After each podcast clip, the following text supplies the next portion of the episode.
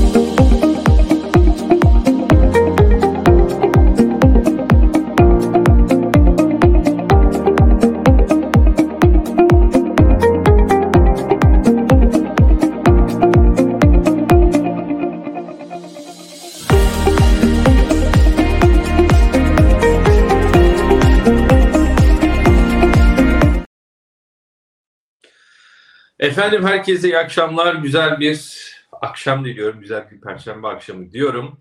Ve Profesör Doktor Yusuf Kaderli hocamıza hoş geldiniz diyorum. Hocam nasılsın? Hoş bulduk. İyi yayınlar Barış'cığım. Valla bir hafta ara verdik. Özledim inan ki ya. Vallahi hocam bayağı ben de ara vermiş gibi oldum. Ee, Evet. Bu bize bir, bir hafta bile böyle çok uzunmuş gibi geliyor. İyi ki geldin. Aynen öyle. E, tam da önemli günlerden geçiyoruz. Borsa e, açısından, endeks Kesinlikle. açısından. Hepsini konuşacağız inşallah. E, canlı yayında beraberiz Profesör Doktor Yusuf Kaderli ile e, birlikte. E, şimdi hocam biz bu arada tabii sen Türkiye'yi geziyorsun. Vallahi Evliya Çelebi gibisin. E, çok güzel şehir buluşmaları yapıyorsun, eğitimler veriyorsun.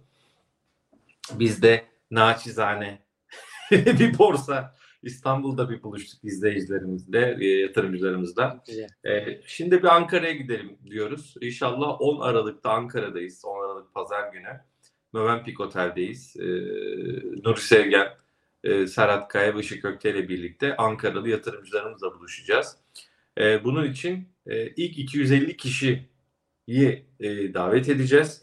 E, link kısmını e, arkadaşlarımıza, e, bütün izleyicilerimize hatırlatalım. Link kısmından kaydolun. İnşallah e, o ilk 250 kişi arasında sizleri de görürüz. Size o kayıt sonrası bir geri dönüş, eğer kabul edildiyse geri dönüş sunacağız. E, Ankara'da 10 Aralık'ta kaydınızı yaptırmayı unutmayın e, diyeyim. Şimdi e, bu arada tabii Yusuf Hoca da finans kamplarla ilgili yoğun bir mesai içerisinde kış kampı yolda diyelim hocam. Değil mi? Aynen. ilk kış kampı inşallah e, Şubat ayının ilk haftası gibi. E, nasipse ilk kış kampımızı gerçekleştir. Fikir babası sensin Barış'cığım biliyorsun. Estağfurullah. E, biz biz icra edeceğiz artık. E, Vay. ilk defa ilk defa 5. yılda ilk defa bir kış kampı e, yapacağız. E, inşallah e, son aşamadayız onu da e, hazırladıktan sonra ama muhtemelen önümüzdeki hafta e, önümüzdeki hafta sonuna kadar hem gelecek yılın şehir eğitimi takvimi hem e, finans kamp takvimi 3 aşağı 5 yukarı belli olacak. Yatırımcılar e, şimdiden görebilecekler ve e, aynı zamanda hemen kayıt da olabilecekler. Erken E, rezervasyon. Erken rezervasyon olacak galiba değil mi hocam? Olacak, olacak, olacak. Hadi bakalım. Şimdi e, bu hatırlatmaları yaptıktan sonra e, eğer abone değilseniz Yatırım Finansman YouTube kanalına abone olmanızı da rica ederim. E, 116 bine geldik. 120 bine doğru gidiyoruz hep birlikte canlı yayında. Efendim e, eğer e, aboneyseniz de biliyorsunuz abone olanların mesajlarını ekrana yansıtabiliyoruz. Kastamonu'ya valla çok gelmek istiyorum Önder Bey. Memleketim. Çok istiyorum. Ee, İnşallah Kastamonu dostlarımız, Sanayi Ticaret Odası, e, oradaki e, tabii Kastamonu Entegre var çok büyük. E, böyle bir hakikaten bir etkinliği onların da desteğiyle yapmayı istiyoruz. İnşallah diyeyim. Ben o benim bir vefa borcum olarak inşallah Kastamonu'ya gitmek istiyorum. Hocam nasıl Aydın değil mi? Nazilli'de yapıyor her yıl mutlaka. Tabii, tabii kesinlikle. Onu yapacağız. Ee, bu arada sevgili İlhan, İlhan Ezgin yanlış görmediysem değerli kardeşim benim Bloomberg HT'den ona da buradan selamlarımı, sevgilerimi iletiyorum. Ee, sağ, sağ bir soru İlhan'da. Şimdi İlhan'cığım Bakacağız programın içerisinde diyeyim. Hemen başlayalım hocam. Endeks bu Tamam. 8000'le mücadelesi dedik. Nedir bu hikaye? Güzel bir e, efendim e, grafik üzerinden de konuşacağız. Sizden e, yorumla başlayalım. Buyurun. Tabii ki hatta direkt istersen grafik üzerinden konuşalım. Yani direkt teknik bir manşet attığımıza göre e, Tamam. teknikle başlayalım. E, temel tarafla devam edelim. Şimdi e, endeks aslında e, 12 Ekim'den itibaren bir düzeltme süreci içerisine girdi. Grafiği yansıttım ben şu anda. Seyirci görebiliyordur. Gösterdiğim yer itibariyle yükseliş trendinden ayrıldı ve bir e, düzeltme e, trendi içerisine girdi. Ve o düzeltmenin nereye evrilebileceğine dair zaten böyle bir patika belirlemiştik grafikte. Ve ona uygun da hareket ediyordu aslında. E, ve son dönemlerde özellikle e, bu düzeltme hareketi içerisinde yukarı yönlü bir hareket başlattı.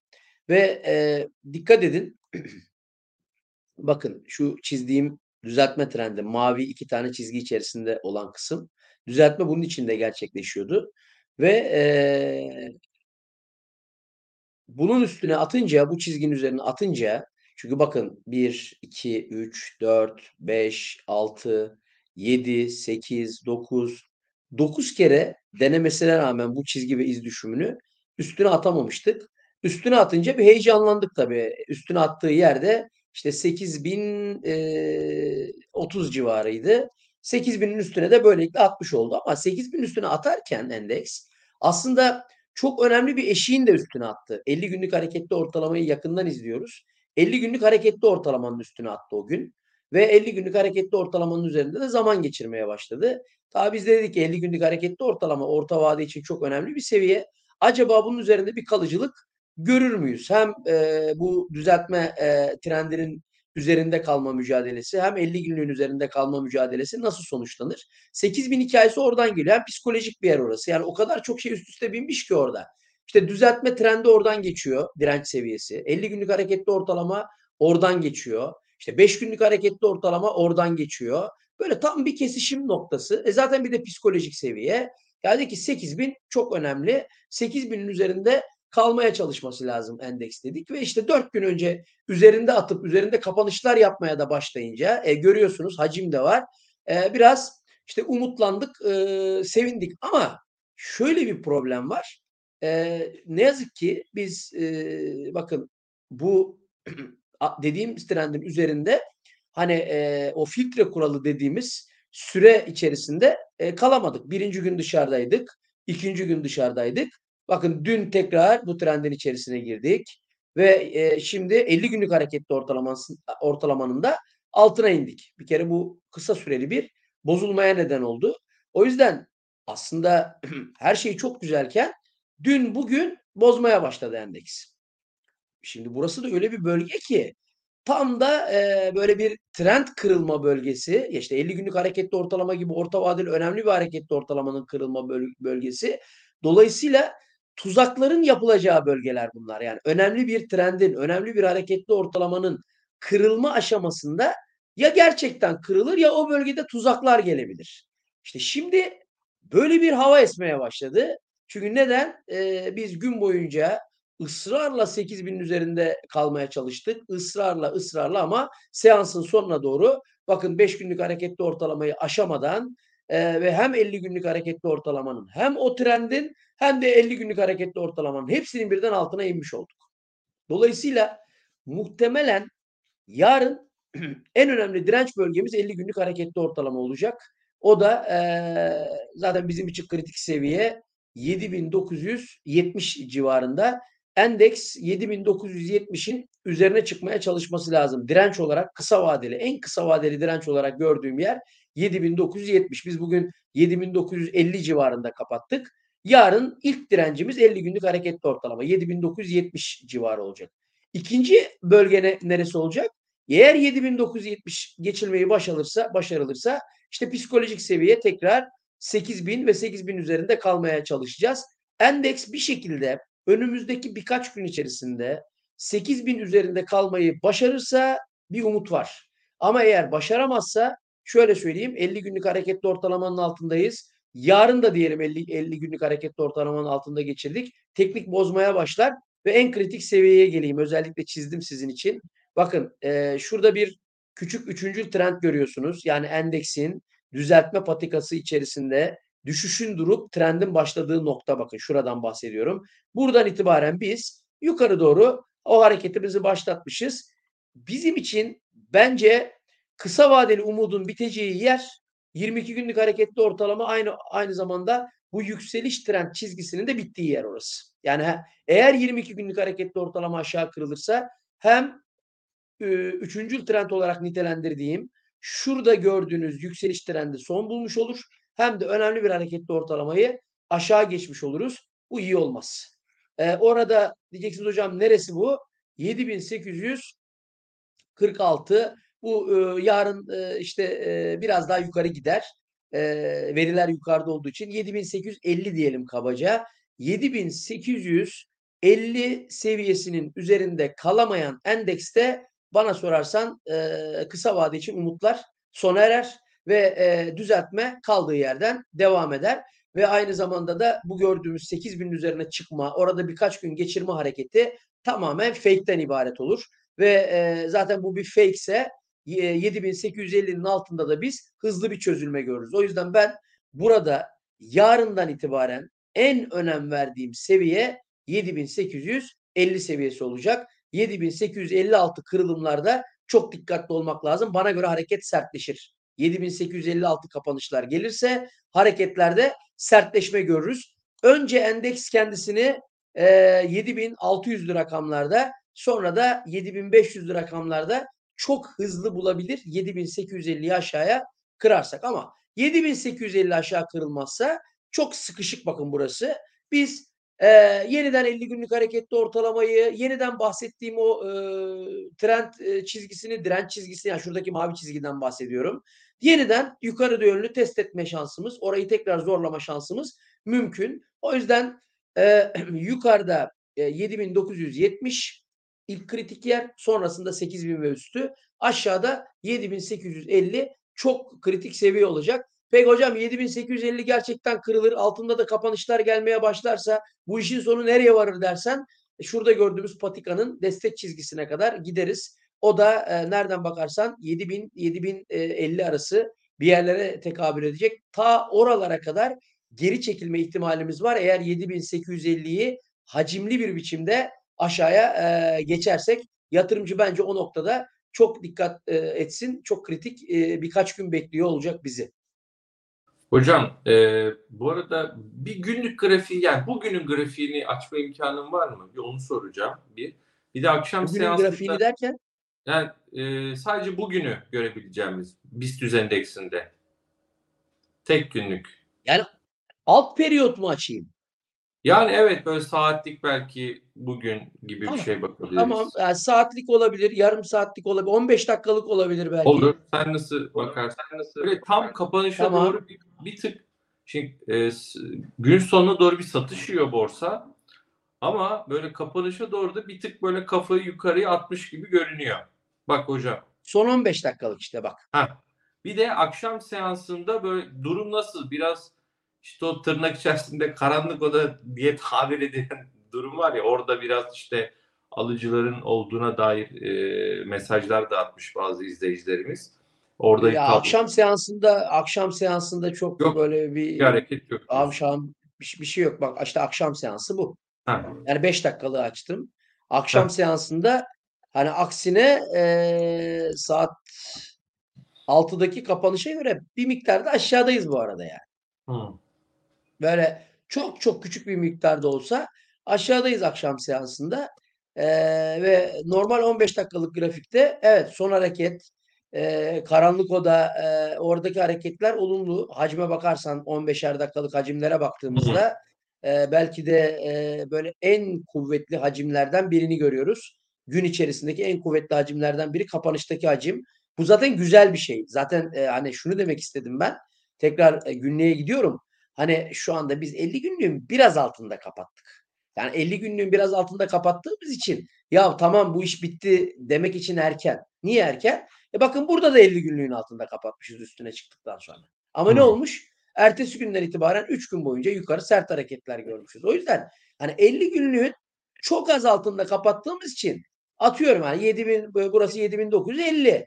E, 50 günlük hareketli ortalama 7970 20 puanlık bir fark. Hani sabahleyin belki de 7970'in üzerine atacağız. Yeniden 50 günlüğün üzerinde olacağız ve sıkıntı yok. Bana göre 50 günlük üzerine bir oturursa fiyat yani orada bir kalırsa ısrarla hani böyle altında böyle bir tek kapanış görsek de böyle ertesi gün tekrar oralara gitsek e, böyle devamı gelmese 50 günlüğün altında yine bana göre sorun yok bu arada. Yani yine bana göre sorun yok. Endeksin hala bir şansı var. Endeksin şansının bence biteceği nokta kısa vadeden bahsediyoruz ama bu arada temel tarafı konuşacağız birazdan.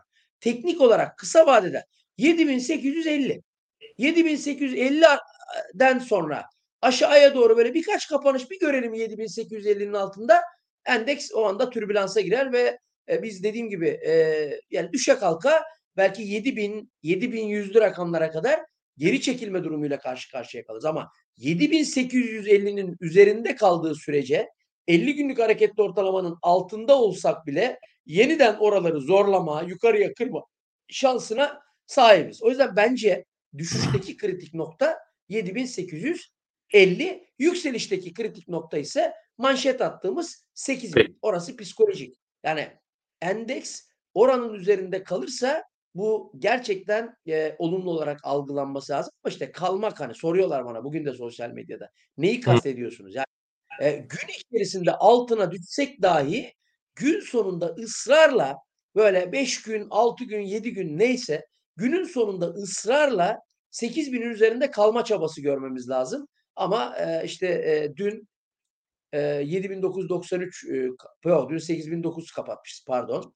E, işte bugün yani 3 gün 8 binin üstünde kaldıktan sonra e, bugün e, yeniden 8 binin altına e, geldik. E, biraz da düne göre hacimli gelmişiz. Ondan dolayı hani 7850'ye kadar bir geri çekilme olabilir. Yarın açılışla beraber.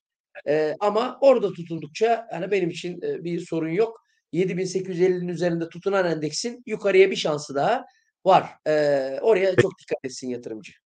E, hocam e, şöyle sorular var izleyicilerimizden. Bu arada bir kez daha söylüyorum canlı yayındayız. Yayınımızı lütfen beğenmeyi unutmayın. Beğen tuşuna basın. Abone değilseniz de abone olun. Hemen şöyle ikiliye alıyoruz e, hoca ekrandan çıkınca. Şöyle e, Yusuf Hocam diyor ki izleyicilerimiz yukarıda mesajlar vardı. E, faizler diyor bu kadar olmuşken kim Allah aşkına borsaya gelir gibi izleyicilerimizin mesajları var. Ee, Osman Bey kumarhane demeyelim. Yani o güzel bir ifade değil. Ee, yani siz nasıl görüyorsanız, nasıl kullanırsanız bence öyle olur. Yani kumarhane gibi görüp kumarhane gibi işlem yaparsanız borsa öyle olur. Hayır, yatırım uzun vadeli yatırım yeridir. İşte temettü gelir alabileceğiniz bir e, o yatırım sepetinizdeki bir seçenektir diye bakarsanız daha güzel olur. E, bu aynı bir işte neşterin bir katilin elinde olmasıyla bir doktorun ameliyatta kullanması gibi bir şey. Ben öyle görüyorum. Yani iyi e, görüp iyi davrandığınızda Borsa İstanbul'u o da bence size iyi davranacaktır. Hisse senetlerinde aynı şekilde. O ifadeyi bence e, kullanmayalım. Yazık etmeyelim. E, sermaye piyasalarımız bak hocamız emek veriyor, bizler emek veriyoruz. Binlerce kişi bu e, pastadan e, hayatlarını geçindiriyorlar. Öyle dersek o zaman kapatır gideriz yani biliyorsunuz. Yani. O öyle bir yerse değil mi hocam? O zaman kapatalım yani. Hiç bu, biz burada çalışmayalım. E, naçizane sizden tabii ki yanlışlar yok mu? Var. E, kesinlikle var. Hatalar var. O sıfatı hak eden durumlarla zaman zaman karşılaşıyoruz ama biz tamamen öyle demeyelim. Naçizane sizden e, ricam diyeyim. Hocam faiz böyle olmuşken Osman Bey'in sorusunun ilk bölümü kim borsaya bakar diyor. Şöyle e, yani e, gerçi o izleyicimiz diyor ki borsa yatırımcısı asla mevduat faizine gideceğini düşünmüyorum demiş Mustafa Bey. Tam tersine düşünmüş. Ama şu var yani e, faizi borsayı karşılaştıran şimdi böyle tabii eleştiriler de var yani. Yani biz diyor borsadan vazgeçmeyiz diyenler de var ama yüzde 45'lik bir net reel bir artık faizle de karşı karşıyayız hocam. Yani mevduat faizi 45'leri görüyorum ben. Sizce izleyicilerimizin sorusu ne dersiniz? Faiz bir alternatif ve engel oluyor mu Borsa İstanbul önünde? Şimdi tabii şöyle bunu aslında daha önce de konuşmuştuk. Demiştik Doğru. ki ya 50'li rakamlar gelinceye kadar çok kafa karışmaz demiştik. Çünkü kemikleşmiş bir borsa yatırımcısı var dediğimiz gibi. Bunları hakikaten faizden e, faize döndürmek o kadar kolay değil ne olursa olsun. O yüzden ama 50'den itibaren faizin 50 olmasından itibaren kafa karıştırmaya başlar demiştik. Yani belli kişilerin aklını e, çelme ihtimali artar. Bu borsanın e, tamamen insanların e, işte borsadan e, faize gitmesine neden olacak değil. Ama bir kısmın aklını çelmeye başlayabilir yüzde elli faiz. O yüzden hani yüzde elli faize kadar ben çok bir, büyük bir tehdit görmüyorum. Bir. iki bir de hani faizler bu kadar giderken borsa gitmez vesaire gibi söylemler var ya. Şimdi ben 1997 yılında yatırım yapıyordum piyasada. 1997 yılında banka faizi yüzde yüzdü, yüzde yüz ondu Barış. Enflasyon yüzde yüzdü. Faizler reel getiri sağlayacak biçimde yüzde yüz beş, yüzde yüz on civarıydı bak 97 yılında, 98 yılında. Şimdi diyeceksin ki o tarihlerde peki hocam borsanın getirisi neydi? Yani faizler bırakın yüzde 45'i nominal yüzde yüz getiriyordu. Yüzde yüz on getiriyordu. Şimdi bu kafa yapısına göre e, borsanın düşmesi lazım. Yani şu anda biz yüzde 45'lerde bile bu karşılaştırmayı yapıyorsak yüzde yüz onda borsanın yer, yerle eksan olması lazım. İnsanların tercih etmemesi lazım. Ben söyleyeyim 1997-98 o yıllara baksınlar. Borsanın e, faizlerin yüzde yüz olduğu, yüzde yüz on olduğu seviyelerde ortalama getirisinin yüzde iki yüz, yüzde üç yüz olduğunu görecekler. Yani o faizlere rağmen borsa faizi üçe katlayacak biçimde getiriler e, elde etmiş. Neden? Enflasyon da yüksek. Yani hem faiz yüksek hem enflasyon yüksek. Bu yine borsanın önünde bir risk değil. Büyük bir risk değil. Onu söyleyeyim ben. Çünkü Peki. dediğim gibi enflasyon şirketlerde e, nominalde olsa değer artışlarına neden olan bir faktör.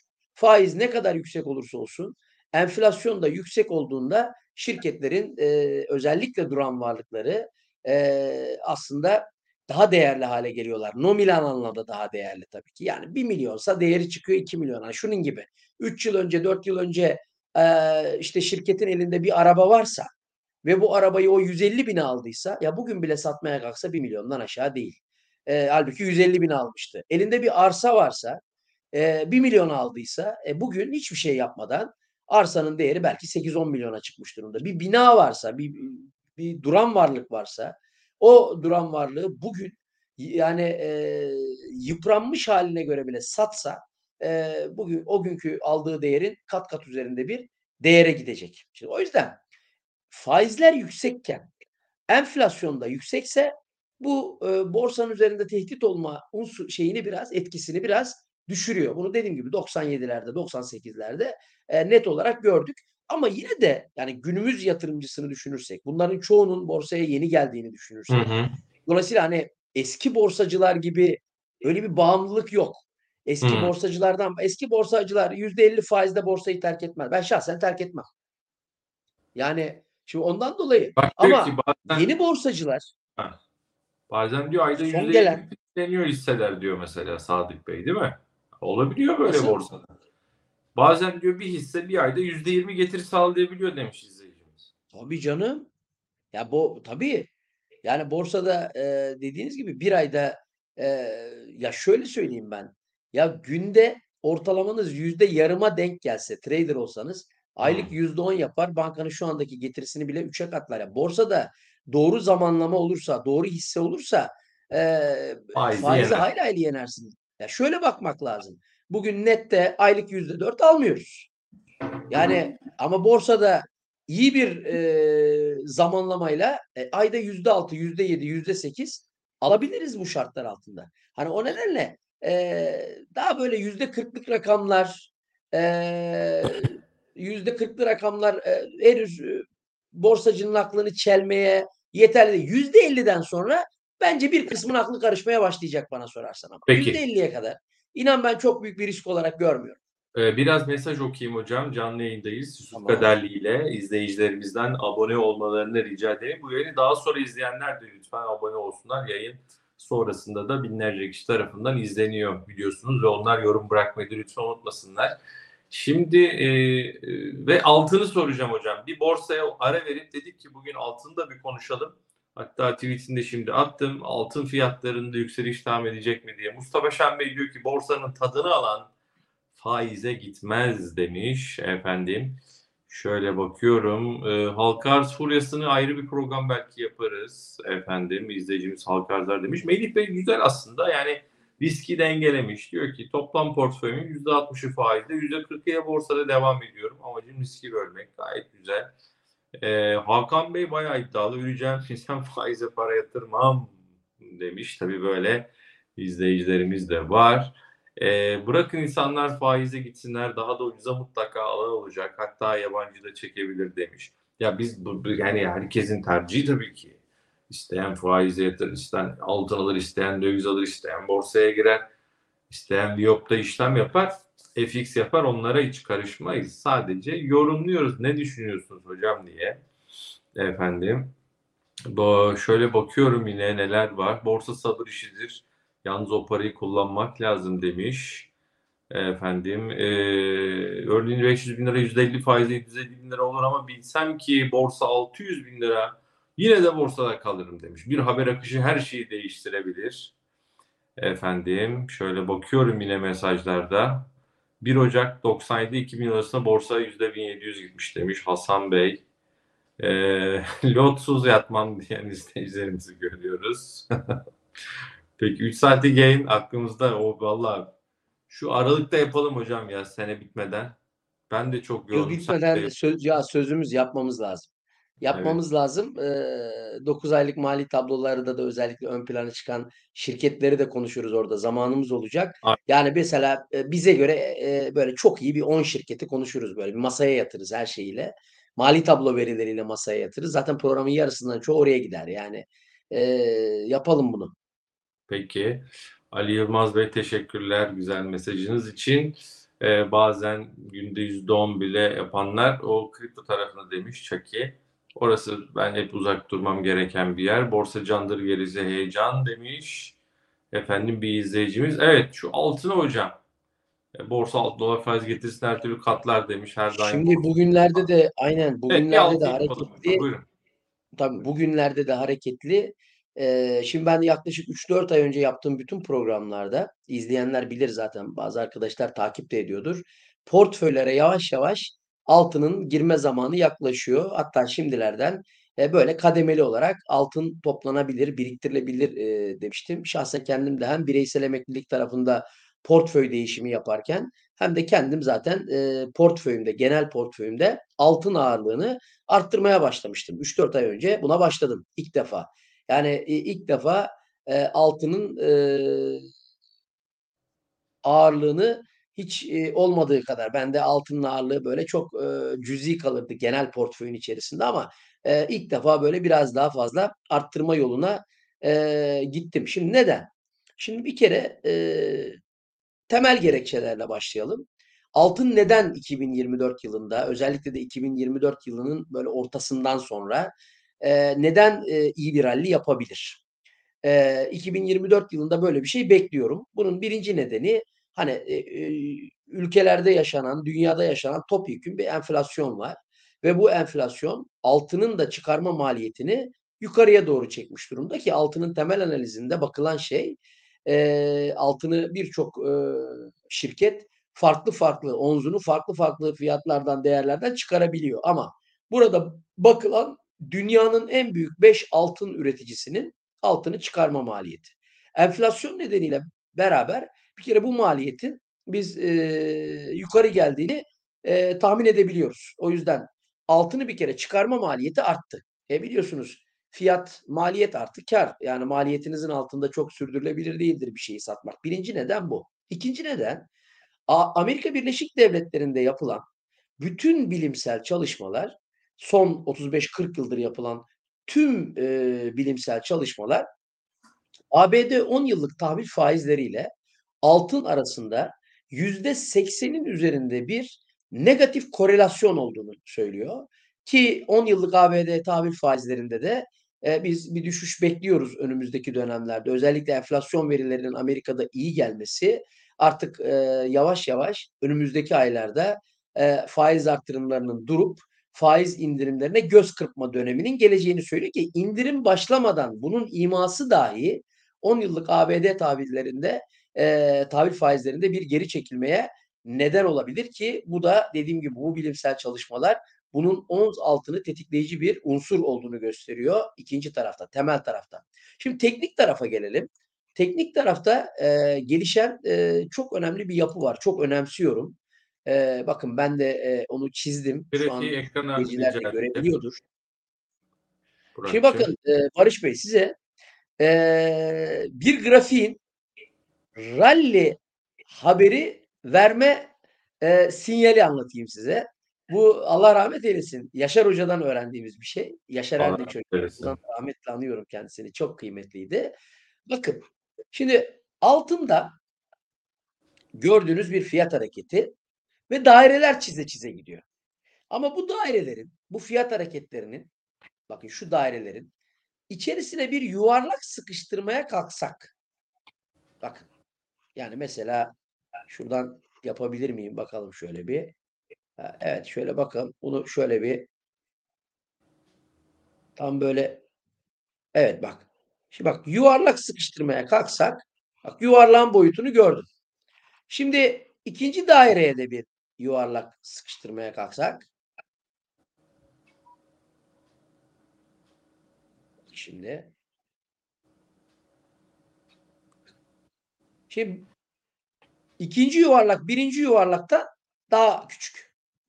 Şimdi şu bölgeye de bir yuvarlak sıkıştırmaya kalksak bak bunu teknik analizde herkes bilmez. Bu bir ceviz fındık leblebi diyorlar. Öyle bir tabir mi vardı hocam ya? O aynen o aynen o aynen o. Fahrettin Gittikçe Özdemir yaptı bak. aynen bakın gittikçe eee, daralan yuvarlaklar. Bak bu bir eğer ki yukarı yönlü kırılırsa bu bir rally sinyalidir. Dolayısıyla da gittikçe daralan yuvarlaklar bu üçüncü yuvarlak tamamlanmış. Belki bir dördüncü yuvarlığa evrilir. O da belki. Yani benim gördüğüm yapıları söyleyeyim. Genellikle üçte kırılış ama zaman zaman dördüncü bir yuvarlığa, daha küçük dördüncü bir yuvarlığa evrilme şeyini birlikte getiriyor. Ee, gördüğüm yapılar bu. Şimdi bu ne biliyor musunuz teknik analizde? Bu eğer şurada gördüğünüz 2070 seviyesi yukarı kırılırsa eee, ve üzerinde de birkaç kapanışta görürsek hani o filtre kuralı dediğimiz şey de gerçekleşirse altında bir rally başlamasına neden olur.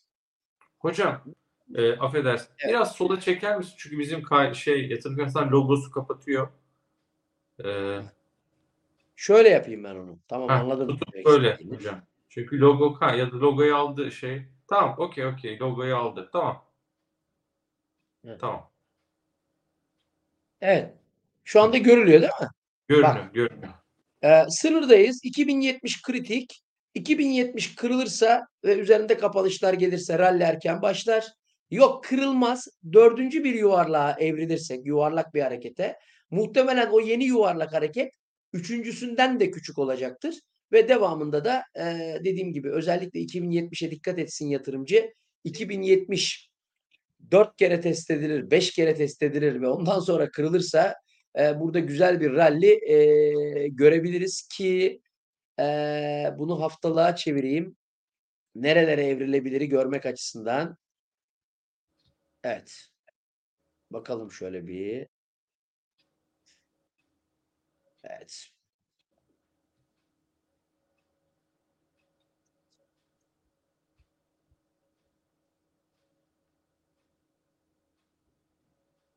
Eğer orası kırılırsa Hocam. bizi bekleyen teknik seviyeler neler olabilir? Evet.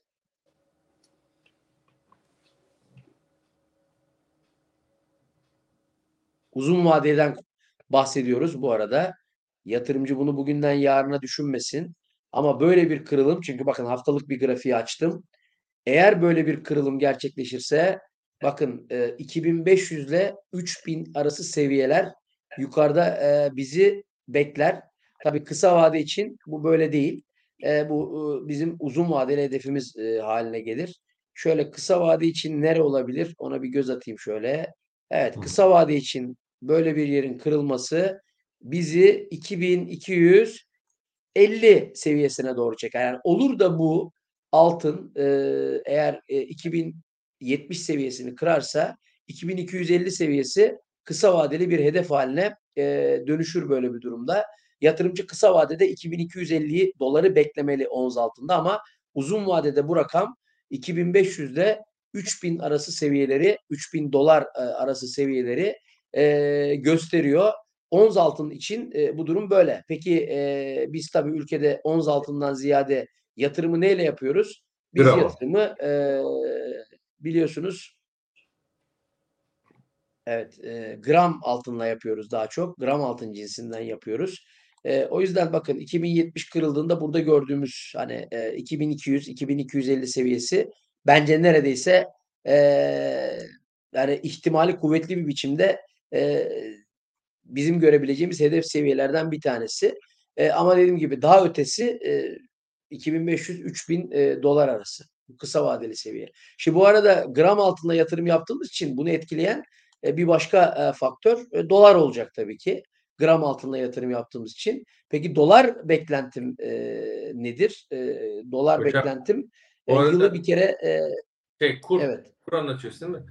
Böyle bir tane mesaj var Faruk Duman Bey. Ya ben böyle mesajları Tamam. biliyorsun hemen dikkatimi çekiyor. Diyor ki Kamboçya'dan selamlar. İşte Orçay yorumunuzu bekliyorum. Gerçekten Faruk Bey Kamboçya'da mısınız? Kamboçya'dan bizi mi izliyorsunuz? Vallahi helal olsun. Şimdi ben diyorum ki böyle işte diyor ki mesela ben Nijerya'dan sizi izliyorum diyor. İşte Arjantin'den sizi izliyorum. Diyorum ki orada olduğunuzu kanıtlayan, orada olduğunuzu bize gösteren bir fotoğrafı Twitter'dan paylaşın. Ben de retweet yapayım, ben de paylaşayım. Faruk Bey siz de deyin ki ya bakın Barış Bey Kamboçya'dan sizi izliyorum. İşte kanıtı. Şu an Kamboçya'dayım. Diyeyim. Hocam buyur devam et dolarda.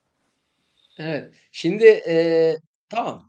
Eee, bir kere, eee, ons altında 2070'ler geçilirse 2250 kesin ya da kesine yakın. Kesin diye bir şey olmaz ama yani ihtimali kuvvetli diyelim 2250 için eğer 2070 geçilirse.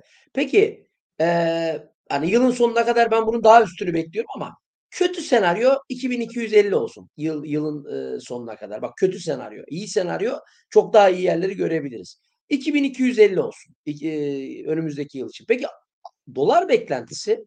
Şimdi bakın, dolar beklentisine baktığınızda bir kere, eee, bazı kurumların bütçe yaparken ortalama kuru böyle, eee, işte 43, eee, aldığını, eee, görüyorum.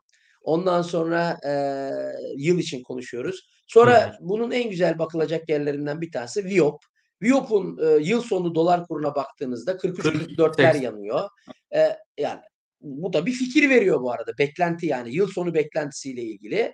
Yani her hâlükârda şöyle bir konsensus var.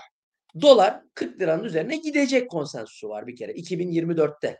Bizim de Barış, eee, sevgili Barış Esen'le de bir iddiamız var bu arada. Onu da böyle ama 50. arada Hani 50'yi sırada programlarda hatırlatalım. Evet. Eee, eğer 50'yi görür ben, eee, yıl içinde £50'yi göreceğiz dedim. Kendisi £50, eee, görülmeyecek dedi. Görmez dedi. Ve iddiaya girdik. Evet, ağaç dikmeye iddiaya girdik ama ortalama kur 43 olursa muhtemelen 50'yi görür. Eee, ama bilmiyoruz tabii. Ya seçim sonrası biraz, eee, muamma gerçekten. Ya seçim sonrası ile ilgili o kadar çok, eee, senaryo var ki hem de, eee, politik risk, eee, çok, eee, yüksek ülkede. Ondan dolayı da yani her şey olabilir.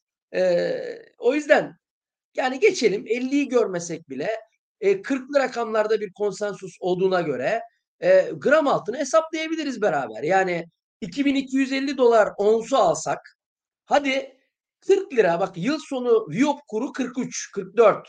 Biz £40 kabul etsek kötü senaryo ki 40'ın üstüne çıkacağını hepimiz çok iyi biliyoruz. Bakın, şimdi ons altın 2250 kabul etsek, doları 40 kabul etsek, hesaplıyorum bu arada ve bulduğumuz sonucu 31.1'e bölsek, eee, 31.1 gram olduğu için bakın bu rakam bile 2900 civarına işaret ediyor. Bak biz şu anda gram altında neredeyiz? Biz şu anda gram altında 1900 civarındayız. Bak yani dövizin de bana göre kötü senaryosunu söyledim. Altının da kötü senaryosunu söyledim yani. En düşük senaryosunu söyledim. Hem dövizde hem altında en düşük senaryoyu söyledim. Bunlar birleştiği zaman gram altın üzerine etkisi bugün 1900'den onu 2900'e çık- çıkarma potansiyeli taşıyor. Eğer ki ons altında 2250 üzeri bir hareket ve dolarda da konuştuğumuz gibi 45-50 bandı e, e, geçilirse ha o takdirde biz zaten 3000-3500 aralığında bir altın göreceğiz demektir ki bu gelecek sene paramızı enflasyona karşı koruyabileceğimiz en önemli araçlardan biri Evet. haline getiriyor bu arada altın. Bu Peki. önemli. Yani herkes ne arıyor? Parasını enflasyona karşı koruyacak, mümkünse reel getiri kazandırma ihtimali olan araç arıyor. İşte o araçlardan e, birinin bence bu hesapla altın olma olasılığı çok kuvvetli. Özellikle de ben FED'den ilk sinyaller gelmeye başladığı zaman altında o bahsettiğimiz kırılması güç olan tarihi zirvenin de e, Peki. kırılma ihtimalini işte görüyorum. Belki en kötü bir küçük yuvarlak yapmaya daha döneceğiz aşağıya. Belki o da. Ondan sonra yine kıracağız, yine kıracağız. Yani o yapı yukarı doğru kırılmaya aday diye görüyorum. Peki. Ee, şimdi dönelim yeniden Borsa İstanbul'a. Biraz hisse senetleriyle ilgili yorumlarınıza bakalım hocam. Tabii ki. Ee, şimdi e, yıllık bilançolar gelecek neredeyse 3 saatlik yayın. Valla Aralık'ta inşallah yapacağız. Çok yoğun bir Eylül, Ekim, Kasım geçirdik hem hocam hem biz. Ee, dolayısıyla Aralık'ta inşallah biraz rahatlamayı planlıyoruz. Ve e, hep birlikte 3 saatlik yayınımızı gerçekleştirelim. Mehmet'e buradan selamlar akşam seansında. Bu arada hocam bizim e, Investmate birincisi miydi Serkan Aldemir? Serkan da 2009 olur Tabii yazmış. tabii tabii. Yani bizim dereceye giren e, Evet. öğrencilerimden bir tanesi ki Serkan birkaç tane yarışmada dereceye girdi. E, Aydın Adnan Menderes Üniversitesi Nazilli İktisadi İdari Bilimler Fakültesi medarı iftiharıdır. E, selam olsun o da izliyor yayını. Evet, evet, 2100 doğru. diye yazmıştı demin fark ettim. Hocam 2100'e gider miyiz? Serkancığım 2100'e hayli hayli gideriz zaten. Hocam e, Oyak çok sorulmuş nedense. Yani çok görüyorum. Oyak Çimento, e, Bakalım, Emine bakalım. Niye düşüyor diye galiba Neredeyse sorular. hiç de konuşmadık o ya. E, Bakalım. Evet Emine Hanım da sormuş. Bir Oyak bakalım dilerseniz. E, ekranı da paylaşabiliriz yine bu arada. Tam ekran da verebiliriz sevgili Burak'cığım. Evet. Evet, Oyak Çimento baktığımız zaman sermayenin neredeyse 5 katı e, bir kar görüyoruz. E, zaten Türkiye'de çimento dediğiniz zaman Çimsa ve Oyak Çimento hani bunlar hakikaten e, böyle en önde gelen iki firma olarak karşımıza e, çıkıyor. Yıl sonunda muhtemelen sermayenin e, böyle 7 katı civarında bir e, 6,5-7 katı civarında bir kar e, göreceğiz. Bu açıdan baktığımızda bu yıl için aslında değerinde e, görünüyor. Yıl sonu beklenen kara göre değerinde bir tablo görürüz ama biz özellikle kentsel dönüşüme dair e, alınan kararlar, orta vadeli programda yazılanları düşündüğümüzde çimento sektörünün önümüzdeki yılda hareketli olma ihtimali var. O nedenle bu e, yılki verilerle değerinde görünmekle beraber e, önümüzdeki yılın etkisiyle de e, bu hisse senedinin e, hala e, yukarı yönlü potansiyeli olma ihtimali var. Yani bir yatırım babında e, düşünürsek yani kısa vadede bu böyle değil. Kısa vadede e, şöyle baktığımız zaman grafiğe e, sinyalin aşağı yönlü olduğunu görüyoruz ama e, orta uzun vadede e, bence e, bir e, şöyle söyleyeyim ben özellikle bugün e, aşağıya gelmesi, aşağıda e, kapatması iyi de olmamış. Trendi e, aşağıya e, geçmiş. O yüzden eğer e, birkaç gün içerisinde e, döner e, yeniden e, 67'nin üzerine çıkmazsa e, bu kısa vadede kesinlikle bir satış baskısını beraberinde getirir o ayakta. E, nerelere kadar o satış baskısı olur? Eski tarihi zirveye kadar olma olasılığı çok kuvvetli. E, bu da yaklaşık 57'ler yani 10 lira kadar düşmesine neden olabilir ama 57 eski tarihi zirve bu arada. E, oradan mutlaka bir e, destek hatta 57 değil orası pardon 56 civarı. 56'lara kadar bir geri çekilme olabilir. Eğer birkaç gün içinde döner yeniden 67'nin üstüne çıkmazsa bakın onu e, altını çizerek söyleyeyim. Çünkü benim meşhur filtre kuralım vardır.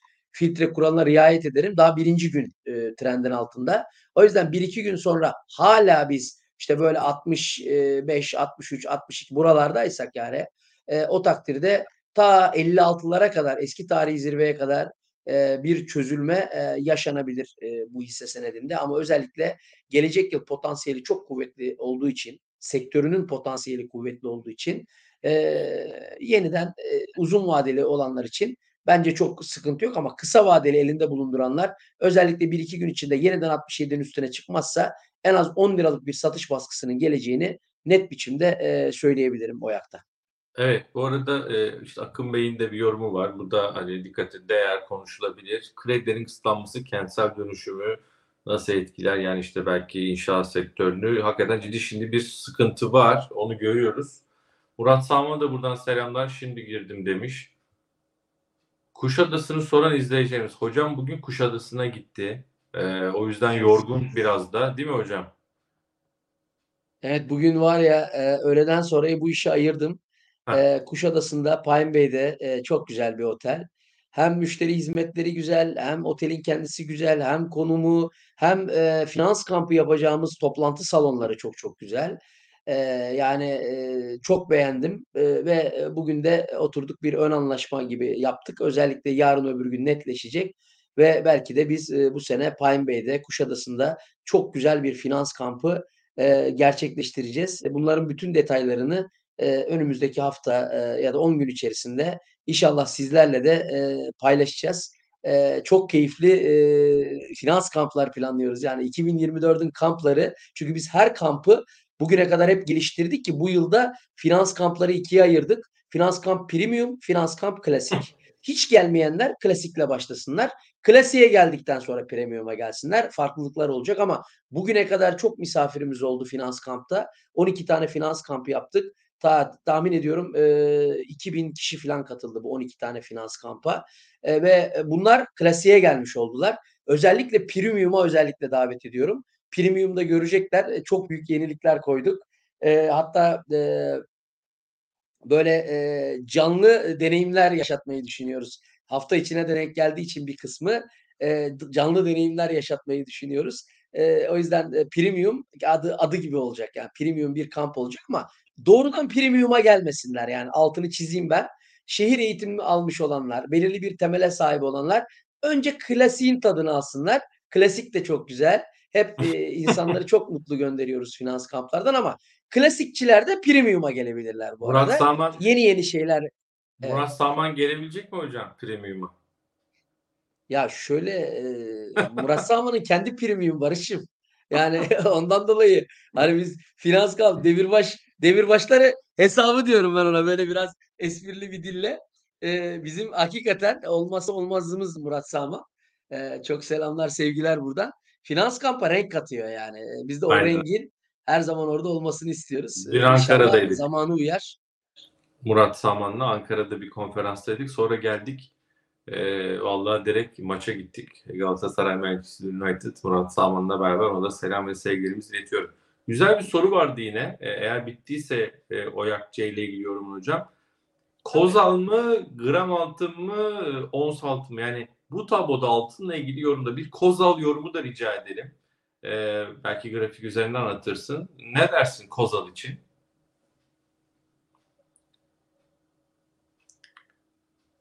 Ekrana geldi sanırım. Evet.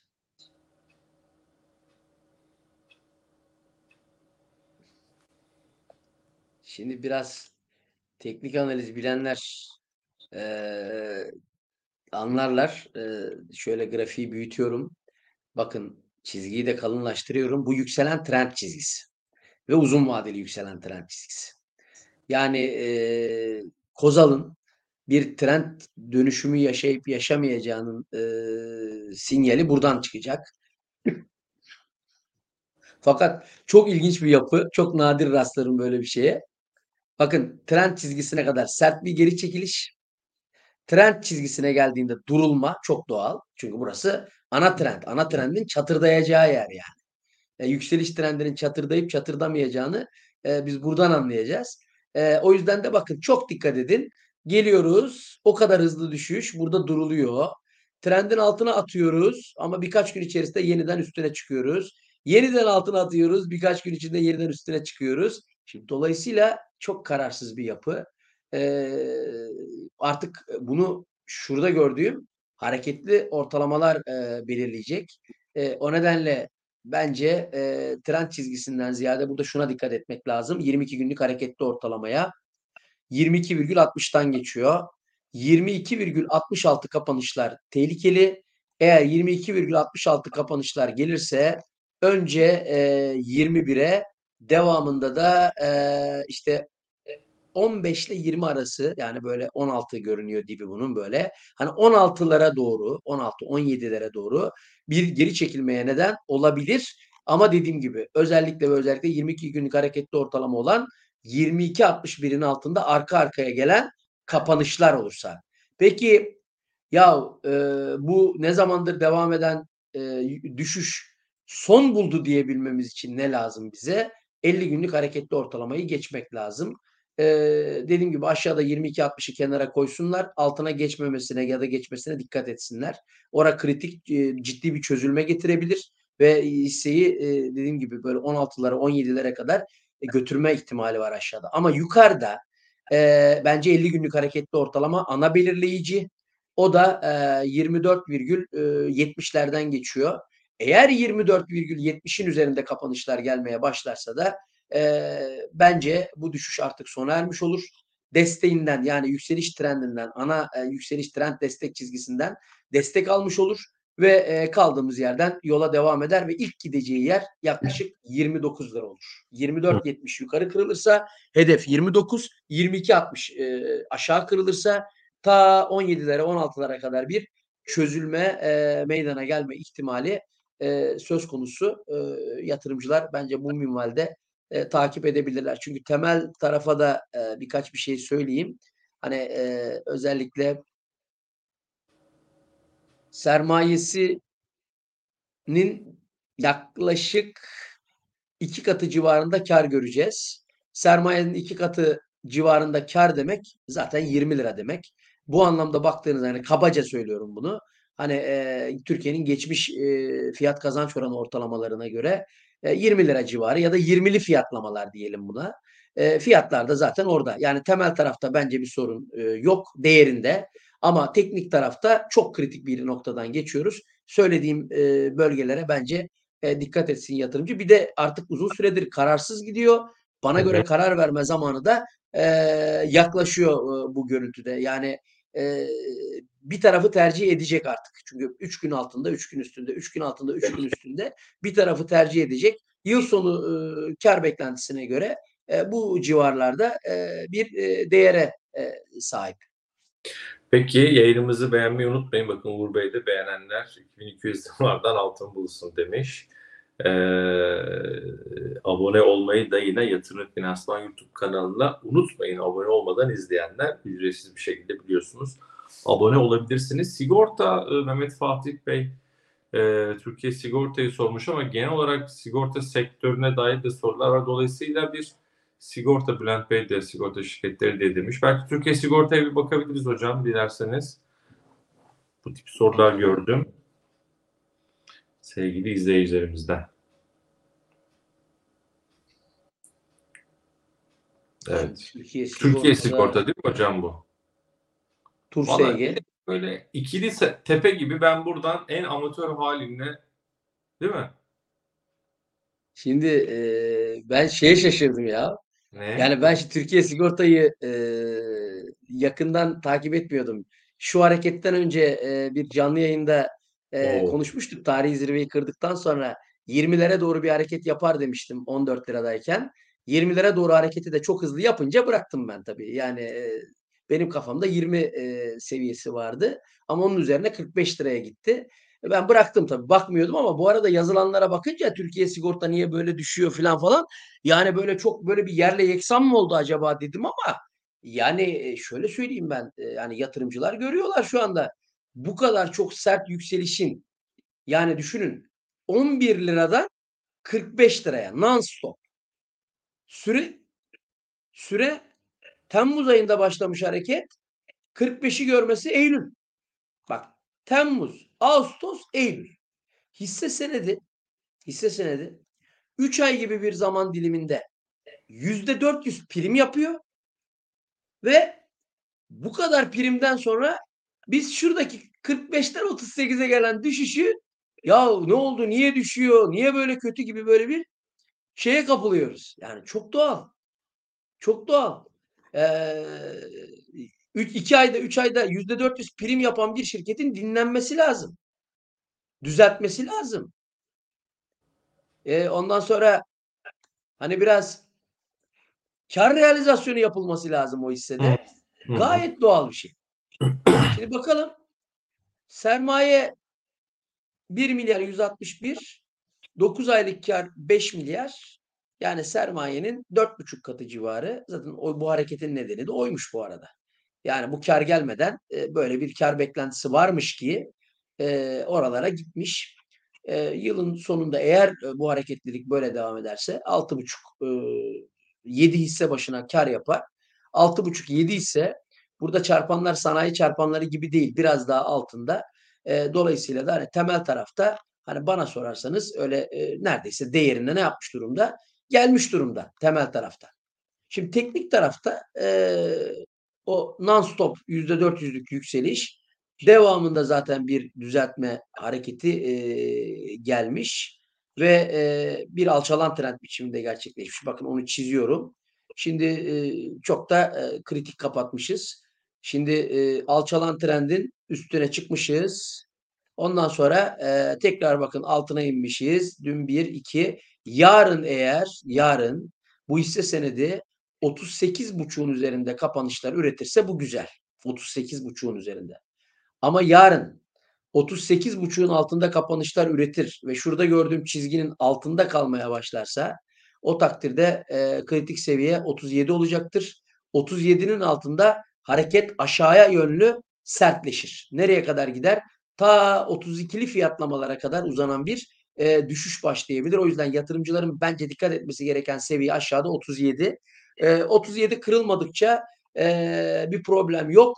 E, kaldığı yerden yukarıya devam edebilmesi içinse mutlaka 38.50'nin yukarı e, geçilmesi e, lazım. Sonraki 38.50'den sonraki direnç nere derseniz 40 lira 5 günlük hareketli ortalama ikinci direnç. 38.50 ve 40 e, denemeleri e, geçilmeden e, kaldığı yerden yükselişe devam etmez. 37 kırılırsa aşağıya bana sorarsanız hiç tereddütsüz 32'lere kadar e, giden bir e, düşüş görme ihtimalimiz kuvvetli olur ama hani buralardan aşağıya gelir mi hocam derseniz hani biraz zor. Neden zor? Yani nefis bir kar. Sermayeyi 6'ya 7'ye katlayacak bir kar göreceğiz. Hisse başına 7 lira kar açıklayan bir e, firmanın da çok da böyle 30'lu fiyatlamaların altında kalmasını bekleyemeyiz temel tarafta. Evet. E, yatırım finansmanının portföyündeki şirketleri e, görebiliriz. Model portföy Fikret Bey e, sormuş. Hemen sevgili e, kardeşimiz e, hemen ayarlayacaktır. E, o ekrana getirecektir. Model portföydeki son durumu e, Burak. Şimdi model portföy yatırım finansman araştırma ekibinin hazırladığı model portföy ve sene başından beri performansa baktığımızda gerçekten BIST endeksinin neredeyse iki katı bir getiri sağlamış. Biz de mutlu ediyor e, Serhat Kaya ve arkadaşlarına e, tebriklerimizi sunalım. Model portföyün içinde ne var? Biraz büyütelim. Sevgili e, Burak, e, Reysaş var, gayrimenkul yatırım ortaklığı. Emlak konut var, Sabancı, Kardemir, Türk Telekom, Türksel, Petkim. E, bizi bir yana al istersen göremiyorum çünkü. Şöyle yapalım. Ha, Yapı Kredi, Koç Holding ve Pegasus var model portföyde e, yatırım finansman araştırma bölümünün hazırladığı model portföy e, sene başından bu yana BIST 100 endeksi %45.4 getiri sağlamış. Model portföyün getirisi sene başından bu yana %107 yani ikiye katlamış. E, endeksi bir, bir şekilde yenmiş model portföy yatırım finansmanı.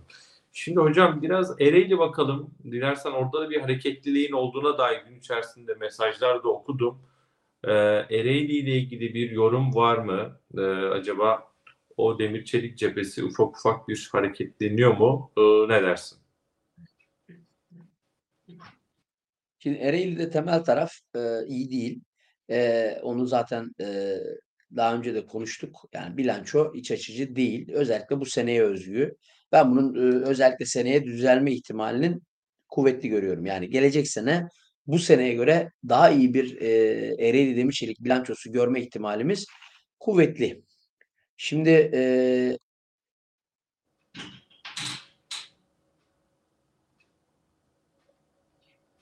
gelelim teknik analiz tarafına.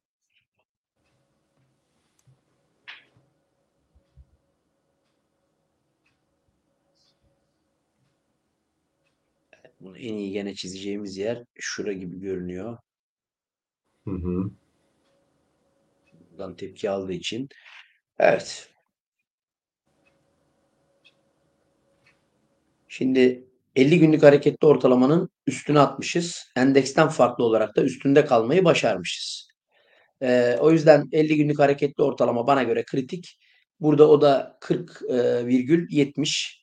40,70 üzerinde kaldığı sürece e, yola e, devam edebilir. Nereye gider? Eğer 40-70 üzerinde kalırsa hedefi 45 olacaktır.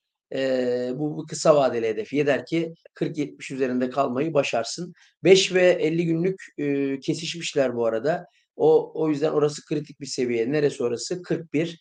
41 TL'nin altında kapanışlarsa hisse senedini yeniden 40 liranın altına e, hızlıca itecektir. 39'lu fiyatlamaların görülmesine e, neden olacaktır.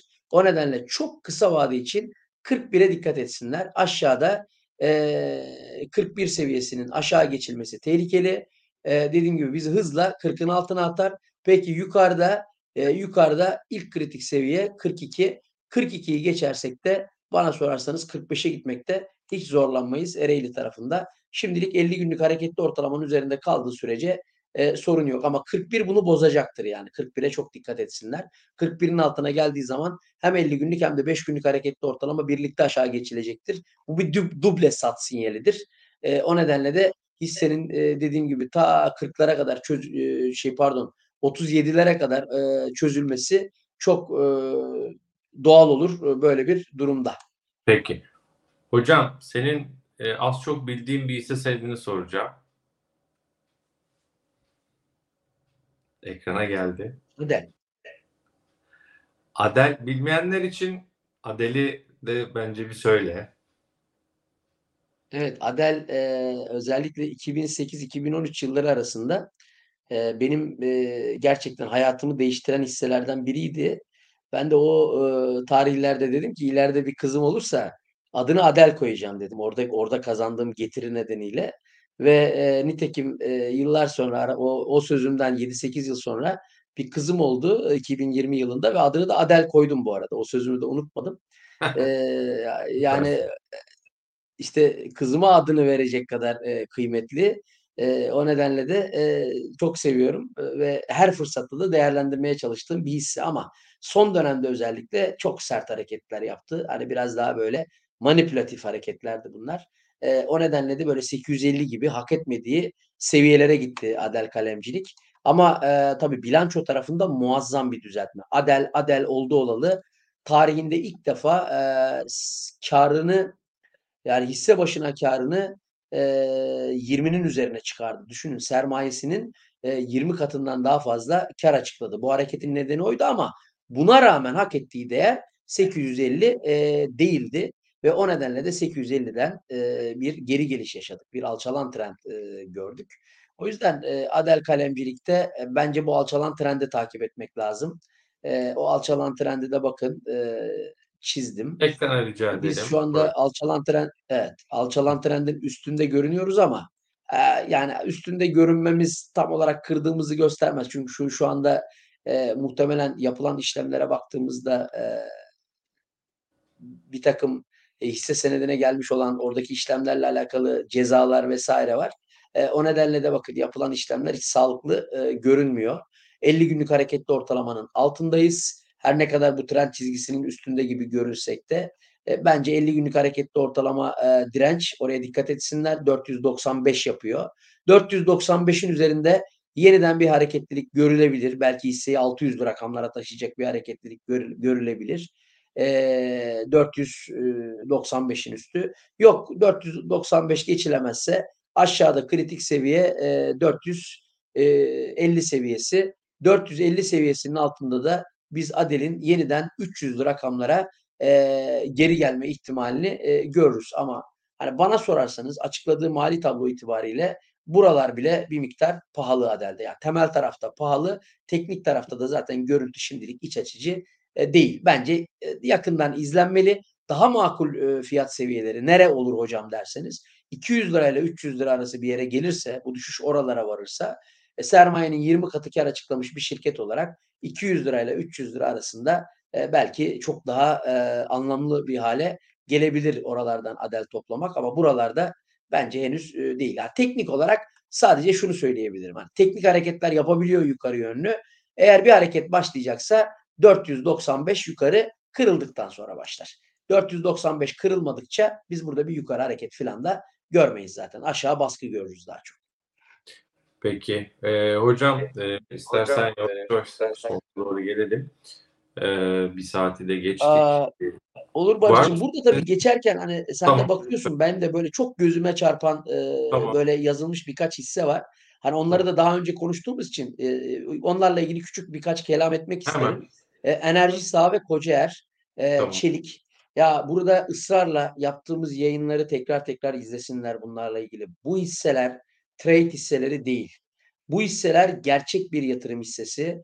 E, bakın e, karbonla ilgili e, biliyorsunuz e, Kocaer Çelik önümüzdeki karbon anlaşmalarıyla alakalı, iklim e, anlaşmalarıyla alakalı e, çok güzel kap açıkladı. Yani burada Kocaer ne olacak diye sormak yerine o açıklamaları izleyip orada şirketin vizyonunu görmenizi isterim. Son 1-2 1-2 yıl içerisinde eğer demir çelik şirketleri eee, ihtiyaç duydukları enerjiyi yenilenebilir enerjiden karşılamazlarsa Avrupa'ya ihracat yapan şirketler çok ciddi bir vergi yüküyle karşı karşıya gelecekler ki Kocaer yapmış olduğu yatırımlarla 2 yıl içerisinde diyor ki hem toplam enerji ihtiyacımın tamamını yenilenebilir enerjiden karşılayacağım hem de diyor elektrik artacak. Onu da Türkiye'ye satacağım diyor. Yani böyle bir vizyon, bunun altyapısı ama bugünden yarına değil bunlar. Yani biz ya bir Borusan'a baksanıza. 30 liradan bir buçuk ayda 800 liraya gitti.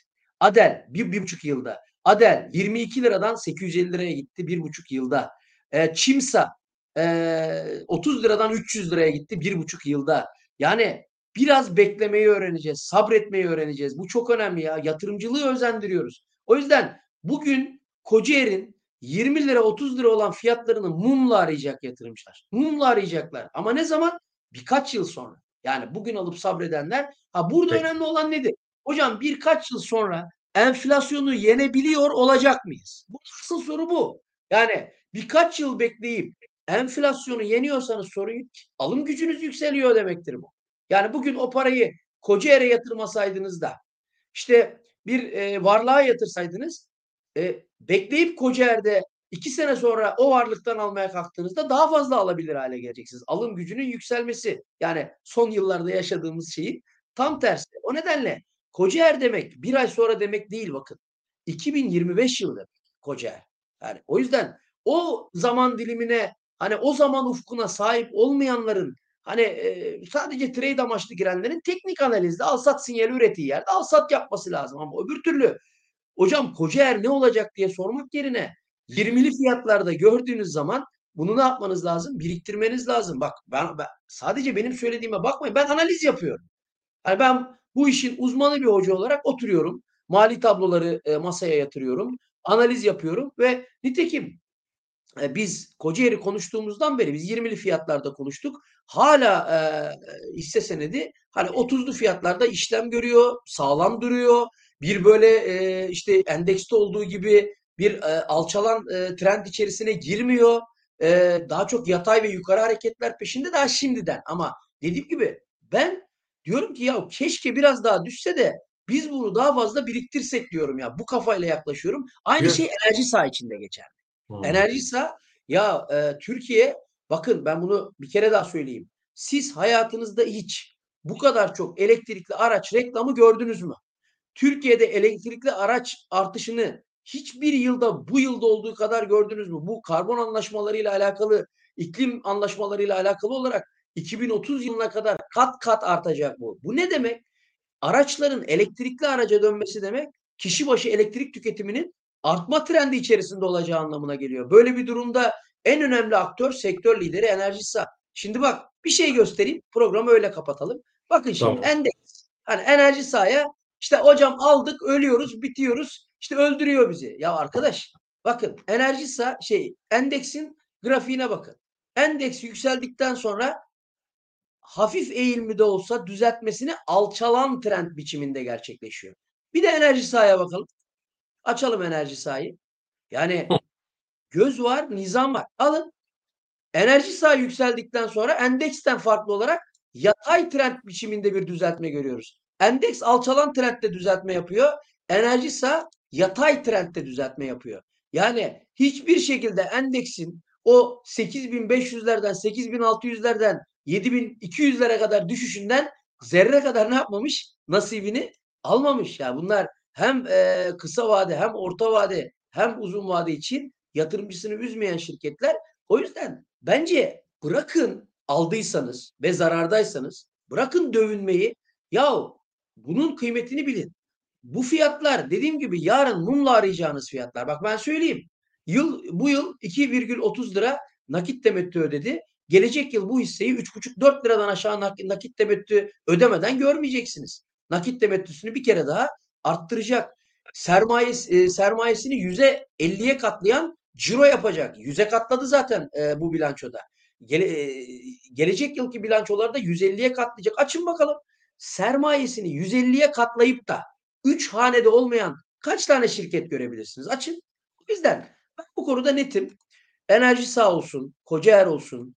Bunları alan kişilerin kesinlikle ve kesinlikle 2024 sonu 2025 yıllarını e, göze alacak şekilde öyle bir zaman ufkuyla yatırım yapması lazım. O zaman zaten geldiğinde enflasyonu çok rahat e, yendiğini rahatlıkla e, görebilecek. O zaman çok başka şeyler konuşuyor olacağız. O yüzden kısa vadeli değerleme, değerlendirmelerden ziyade bana sorarsanız bunlara yaklaşımınız daha uzun vadeli olsun. Çünkü ben baştan beri e, bunu söylüyorum. Bunlar benim için çok güzel yatırım şirketleri ve bunu da dediğim gibi altyapısını da kesinlikle açıkladıkları kaplara bağlıyorum.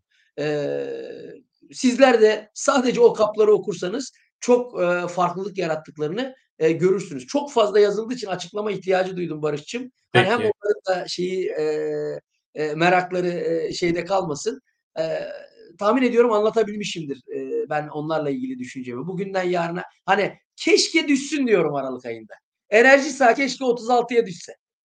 İşte koca er keşke bir daha 25'e düşse. Keşke bize yeniden oradan o alım fırsatlarını bize verse. Keşke. Ama yani emin değilim. Oralara gelme olasılığı yok denecek kadar az. Peki hocam e, valla yani o kadar yol gittin geldin ama performansın yine de gayet iyi. Ağzına sağlık.